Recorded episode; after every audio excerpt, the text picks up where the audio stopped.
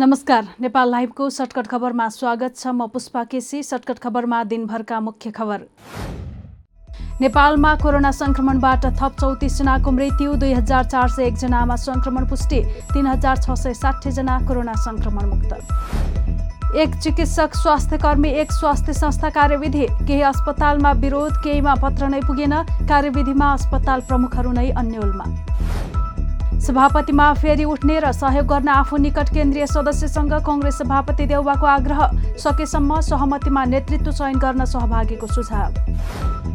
विपद जोखिम न्यूनीकरणमा विशेष ध्यान दिन राष्ट्रपति विद्यादेवी भण्डारीको सुझाव विकासका लागि भौतिक संरचना निर्माण गर्दा प्राकृतिक जोखिमलाई ध्यान दिनुपर्नेमा जोड।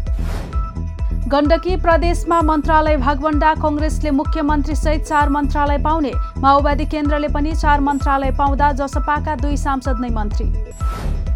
विदेश भ्रमणका लागि बाइस निजी अस्पतालको पिसिआर रिपोर्टलाई सरकारले दियो मान्यता प्रक्रिया पुर्याएका अरू निजी अस्पताललाई पनि क्रमशः मान्यता दिइने।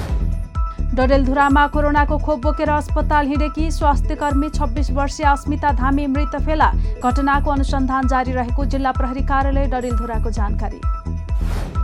भारतमा अक्टोबरमा कोरोनाको तेस्रो लहर आउन सक्ने स्वास्थ्य विज्ञहरूको चेतावनी। खोपको कारण कोरोनाको ताजा लहरमा केही सुरक्षा रहने अनुमान।